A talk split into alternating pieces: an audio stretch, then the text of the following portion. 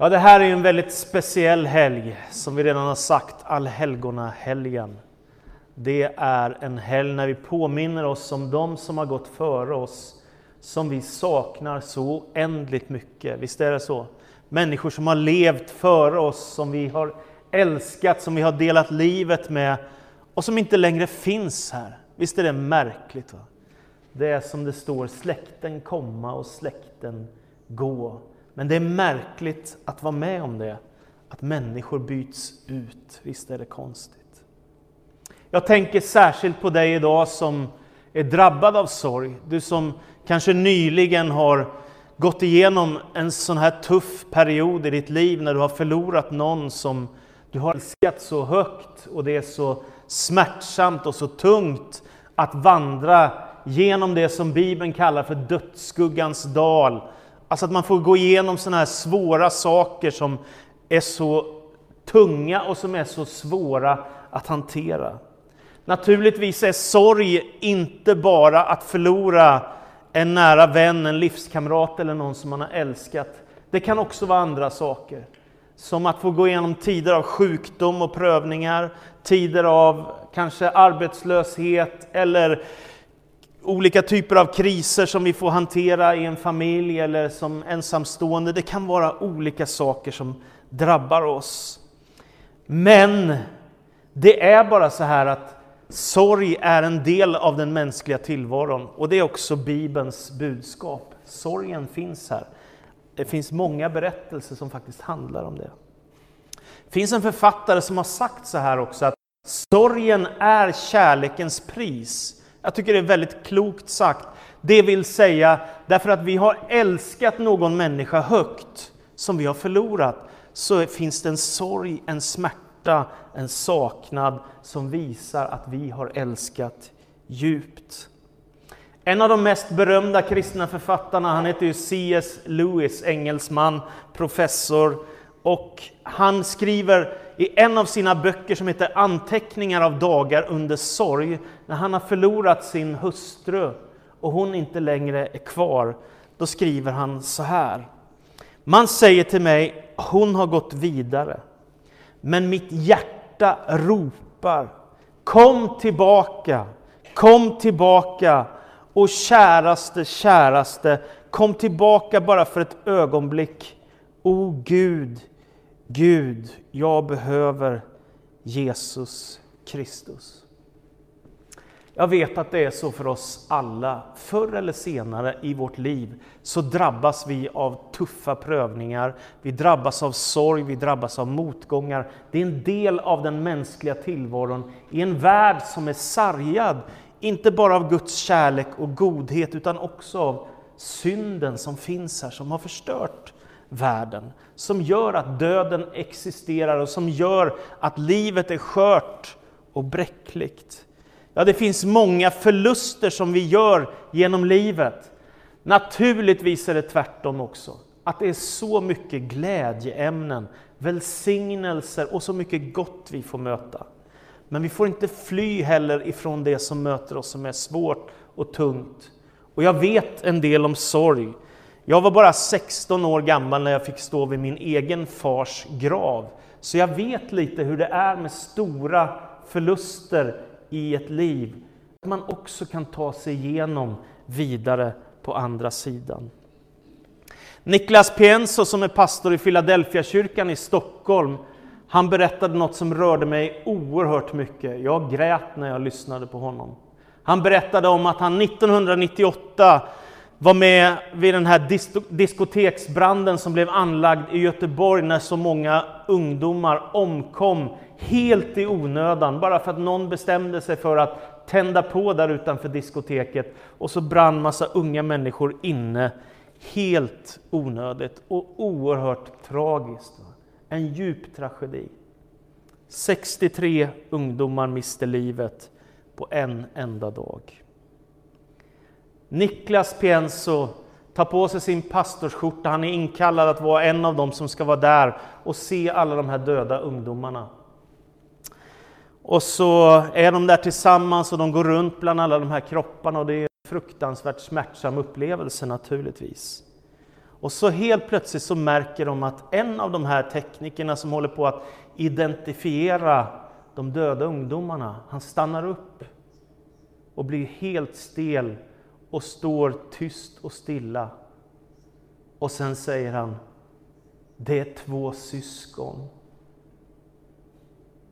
Och alla fattar vilken ofattbar förlust. Någon måste meddela en familj att de har mist två ungdomar på en dag. Vilken ofattbar smärta, ett outhärdligt besked att lämna till en familj av en brand som blev anlagd. På eftermiddagen är Niklas så trött och så ledsen att han säger så här. Kan jag få gå härifrån? Jag hör ju inte till myndigheten. Jag har ingen roll att spela egentligen. Jag kan ju inte göra med något, jag bara är här nu. Och då så vänder sig den ansvariga kvinnan mot Niklas, där han sitter med sin pastorsskjorta. Och så säger, han, säger hon, du får inte gå härifrån. jag, jag tycker att det är starkt. Alltså, pastorn, prästen, får inte gå därifrån när människor går igenom så djup sorg. Det räcker liksom inte bara med omsorg och ordning och reda och identifieringar av döda människor. Det behövs hopp, det behövs kärlek, det behövs tröst. Och det är precis exakt det som den kristna kyrkan står för. Frälsning, hopp, mening, kraft, glädje, evighetshopp. Det är oerhört starkt. Och nu vill jag ta dig med till en evangelieberättelse ifrån Johannes evangeliets elfte kapitel som handlar om att möta sorg men också få sätt. Så här står det, Johannes 11, vers 18 och framåt. Betania, alltså en, ett samhälle, låg inte så långt ifrån Jerusalem, ungefär en halvtimmes väg. Och många judar hade kommit ut till Marta och Maria för att trösta dem i sorgen över brodern. När Marta hörde att Jesus var på väg gick hon ut och mötte honom, men Maria satt kvar hemma. Marta sa till Jesus, äh, Herre, om du hade varit här hade min bror inte dött. Men jag vet ändå att Gud ska ge dig vad du än ber honom om. Jesus sa, din bror kommer att uppstå. Och Marta svarade, jag vet att han ska uppstå vid uppståndelsen på den sista dagen. Då sa Jesus till henne, jag är uppståndelsen och livet. Den som tror på mig ska leva om han än dör. Och den som lever och tror på mig ska aldrig någonsin dö. Tror du detta? Hon svarade, Herre, ja, jag tror att du är Messias, Guds son, han som skulle komma hit till världen. Sedan gick han hem och kallade på sin syster Maria och viskade, Mästaren är här och kallar på dig. När Maria hörde det steg hon strax upp och gick för att möta honom. Men Jesus hade ännu inte kommit in i byn utan var kvar där Marta hade träffat honom. Judarna som var hemma hos Maria kom för att trösta henne, såg att hon hastigt reste sig och gick ut och de följde efter i tron att hon gick till graven för att gråta där. När Maria nu kom dit där Jesus var och fick se honom kastade hon sig för hans fötter och sa Herre, om du hade varit här hade min bror inte dött. När Jesus såg hur hon grät och judarna som hade följt med henne också grät blev han skakad i sitt innersta och han frågade var har ni lagt honom? Och de sa Herre kom och se. Jesus föll i gråt. Det här är en oerhört dramatisk berättelse. Några av Jesus allra närmaste vänner, förutom de tolv lärjungarna, som omnämns flera gånger, Marta, Maria och Lazarus. Jesus är hemma hos dem i flera berättelser som skildras i evangelierna. Men nu sker det som sker med oss människor ibland. Lazarus blir allvarligt sjuk och Jesus är inte där utan han är tillsammans med sina lärjungar en bra bit ifrån. Och så händer det att Lazarus blir så sjuk att han dör. Och det är naturligtvis en, en tragedi. Och eftersom vi läser om Lazarus, Marta Marta och Maria som ett syskon, som en syskongemenskap som bor tillsammans, så tänker jag mig att Lazarus var antagligen inte så gammal. Antagligen hade han ingen fru och inga barn ännu, eftersom det inte omnämns något om det. Utan han lever tillsammans med sina systrar. Detta är det troliga scenariot. Jag säger det utan att veta naturligtvis. Och så kan man tänka, varför ska en ung människa behöva dö? Det är oerhört sorgligt och så smärtsamt. Men i berättelsen så hörs helt plötsligt att Jesus är på väg några dagar efter att Lazarus har dött mot Betania. Och när Marta får höra det så ger hon sig av direkt och så går hon till Jesus. Och när hon kommer fram till Jesus så säger hon Herre, om du hade varit här så hade min bror inte behövt dö. Och Jesus inleder ett samtal med henne som slutar med att han säger, jag är uppståndelsen och, den, och livet. Den som tror på mig ska leva om han än dör. Och så fortsätter samtalet. Det fortsätter om vem Jesus är, att han är Messias, den levande Gudens son. Och när de har samtalat färdigt så vänder Marta tillbaka hem. Och det här tycker jag är rätt konstigt. Därför att Marta och Maria, ni vet det finns flera berättelser om dem i Nya Testamentet. Och Marta har ju varit den där som fixar där hemma och lagar mat medan Maria hon har suttit vid Jesu fötter och fått undervisning av honom. Och när Maria kommer in i huset, ni vet, så smörjer hon Jesus med väldoftande balsam och gråter ut och torkar hans, tår, torkar hans fötter med sitt hår. Alltså hon är en otroligt kärleksfull kvinna som behandlar Jesus med största respekt. Men den här gången så är det Marta som går och Maria som är kvar hemma. Men när nu Maria går för att möta Jesus vid Lazarus grav så kommer hon ännu en gång och kastar sig vid Jesu fötter. Och så säger hon exakt samma sak som Marta. Herre, om du hade varit här hade min bror inte behövt dö. Och det är hela den här inledningen på den här berättelsen till att Maria går att möta Jesus börjar med Martas ord när hon säger Mästaren är här och kallar på dig. Det är starka ord. Jag tycker väldigt mycket om dem. Mästaren är här och han kallar på dig. Jag vet att det var precis exakt så i mitt eget liv. När min pappa hade dött, så bara en kort tid senare så kallar Gud på mig att ge mitt liv till honom och att tjäna honom. Jag fick flera profetiska tilltal att Gud ville något. Precis en kort tid efter att jag gjort en av mitt livs största förluster. Visst är det märkligt? Va? Mästaren är här och han kallar på dig. Och så står det om Maria att hon gråter och hennes vänner som är med vid Lazarus grav, de gråter också. Och Jesus som är Guds son, han blir så berörd, han blir så rörd och upprörd i sitt innersta och skakad att han själv också börjar gråta. För mig är detta fruktansvärt starkt. Gud i himmelen som har blivit människa, det vi kallar för inkarnationen, nämligen att Kristus är av evighet jämlik med Fadern, ett med Gud och som blir människa för vår frälsnings skull. Han gråter. Gud gråter. Är du med? Jesus, Guds egen son, född i gråt. För mig är det oerhört starkt. Det betyder att han, han identifierar sig så starkt med dig och mig. Med vårt liv, med våra prövningar, med våra sorger. Jesus vet ju att han har makt att uppväcka Lazarus. Ändå gråter han tillsammans med Maria och hennes vänner. För mig är det så starkt. Guds son gråter med oss.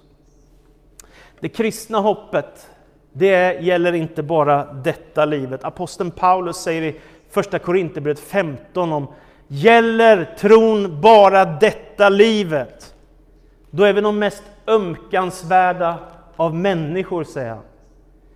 Har inte Kristus uppstått så är vi kvar i det gamla, i våra synder. Men så säger han, men nu har Kristus uppstått som den första av alla dem som ska uppstå tillsammans med Kristus och för evigt få vara hos Gud. Det vill säga, den kristna tron förmedlar hopp till människor. Att det här livet inte är allt och att döden inte ens är slutet för en människa som bekänner Jesus som Herre. En av mina mentorer, han är hemma hos Jesus nu, han heter Hans Johansson. Han skriver så vackert. Våra dagar och år förstår vi i ljuset av den berättelse som Guds folk lever av och i. Frälsningens historia vars centrum är Jesus Kristus. Och lyssna, den odödlige har i Jesus Kristus blivit en dödlig för att göra det dödliga odödligt. Det är jättebra sagt, eller hur? Kristus som är odödlig, evig, blir en dödlig människa för att göra oss dödliga, odödliga, alltså ge oss evigt liv, syndernas förlåtelse, upprätta oss, frälsa oss, ge oss gemenskap med Gud i himmelen. Döden kan ta en människas liv, men frälsningen rår döden inte på. Det finns någon som är starkare än döden. Jesus Kristus, han har segrat över dödens makt. Han har dött i vårt ställe. Han har uppstått ifrån de döda som segrare över dödens makt. Och den som tillhör Jesus kan alltså få ta till sig de här orden. Jag är uppståndelsen och livet och den som tror på mig ska leva om han än dör. Det vill säga, livet är inte begränsat till födelse och död på det sättet som biologin ger oss, utan det fortsätter. Det eviga livet har inget slut, utan det fortsätter i evigheternas evighet. Därför är de kristnas sorg en ljus sorg. Vad menar jag med det?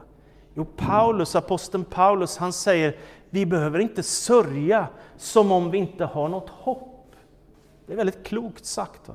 Alltså vi sörjer, smärtan är på riktigt. Att förlora någon man älskar gör väldigt, väldigt ont. Det tar tid att läka som människa och man måste varsamt ta hand om sig själv i tider av prövning, i tider av sorg och smärta.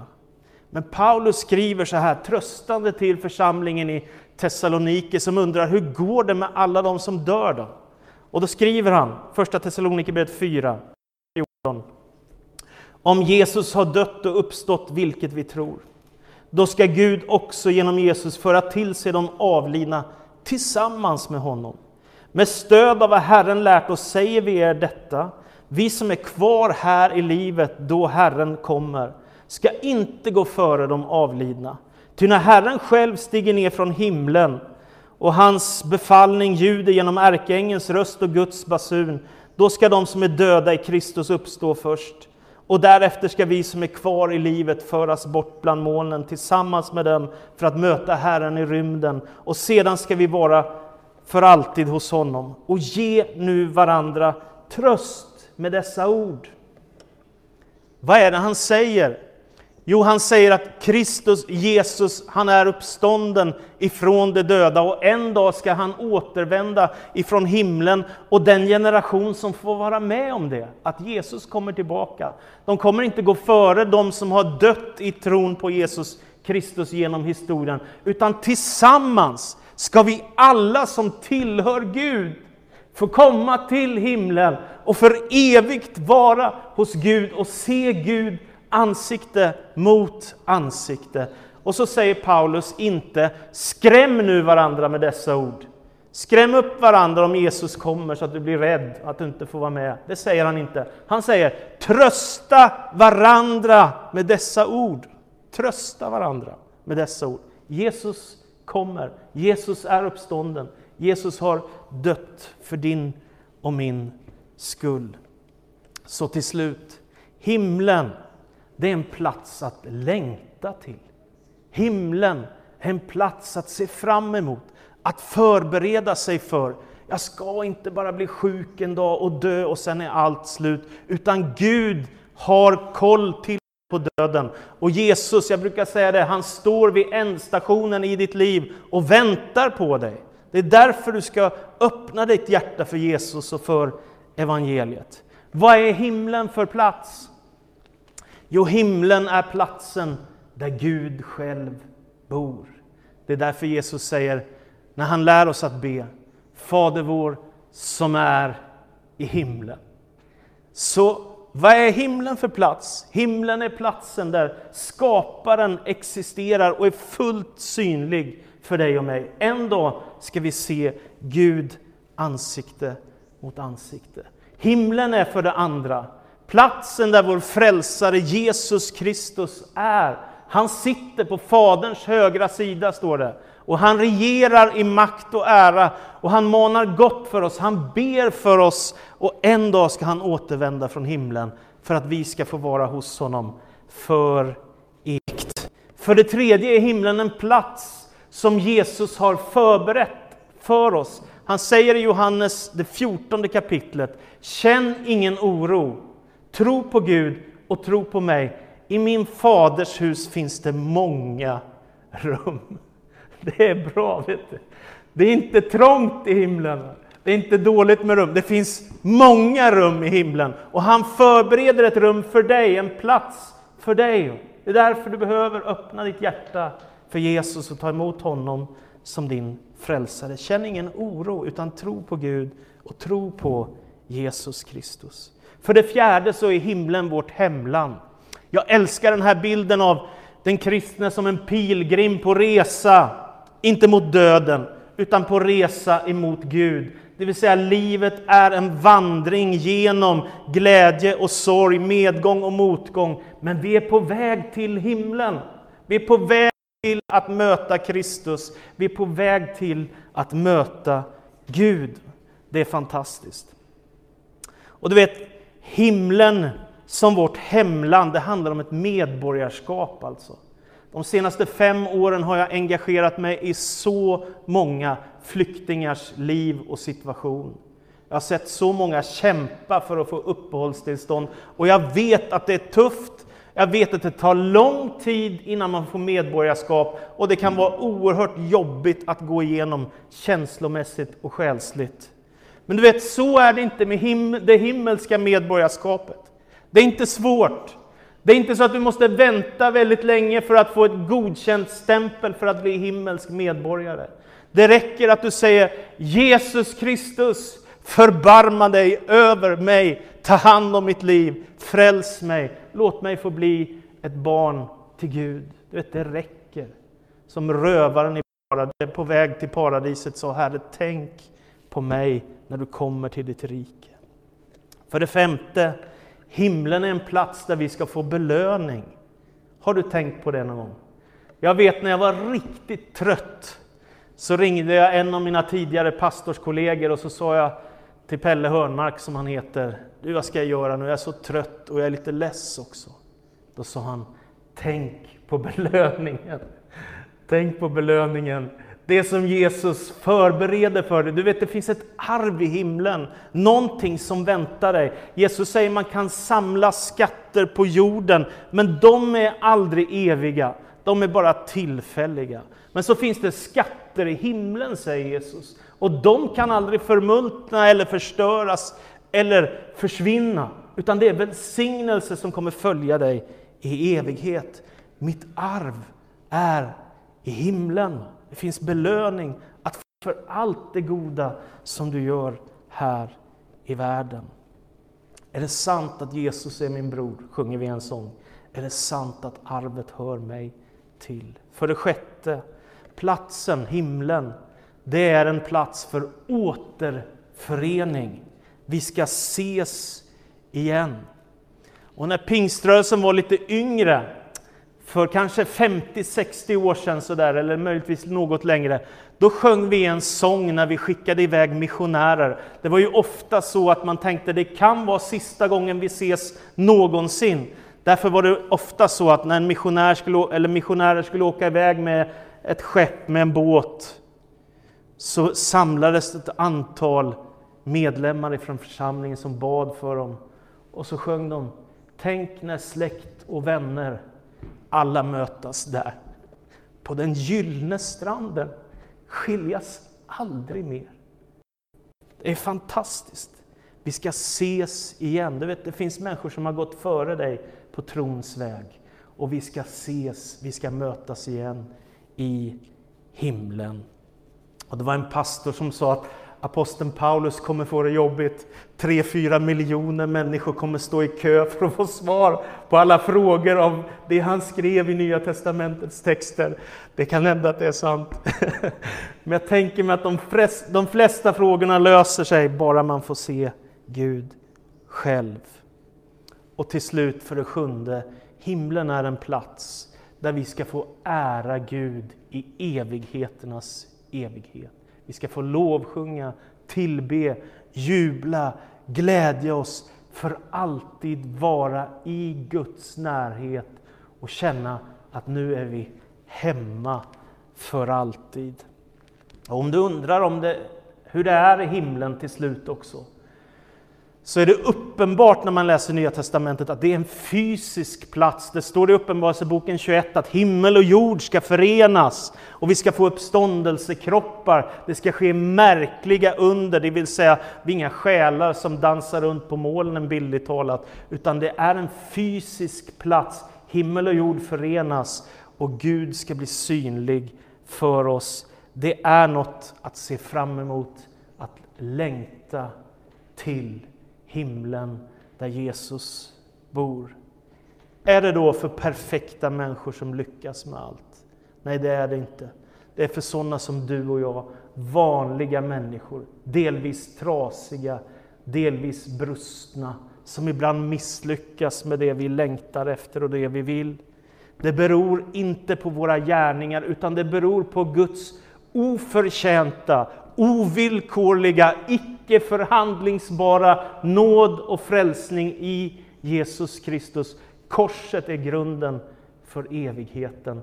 Därför kan du våga lita på Gud. Och må han ge ditt inre öga ljus, säger Paulus, så att du kan se vilket rikt hopp som han har kallat dig till. i Efesierbrevets första kapitel. Himlen är vårt hemland. Amen.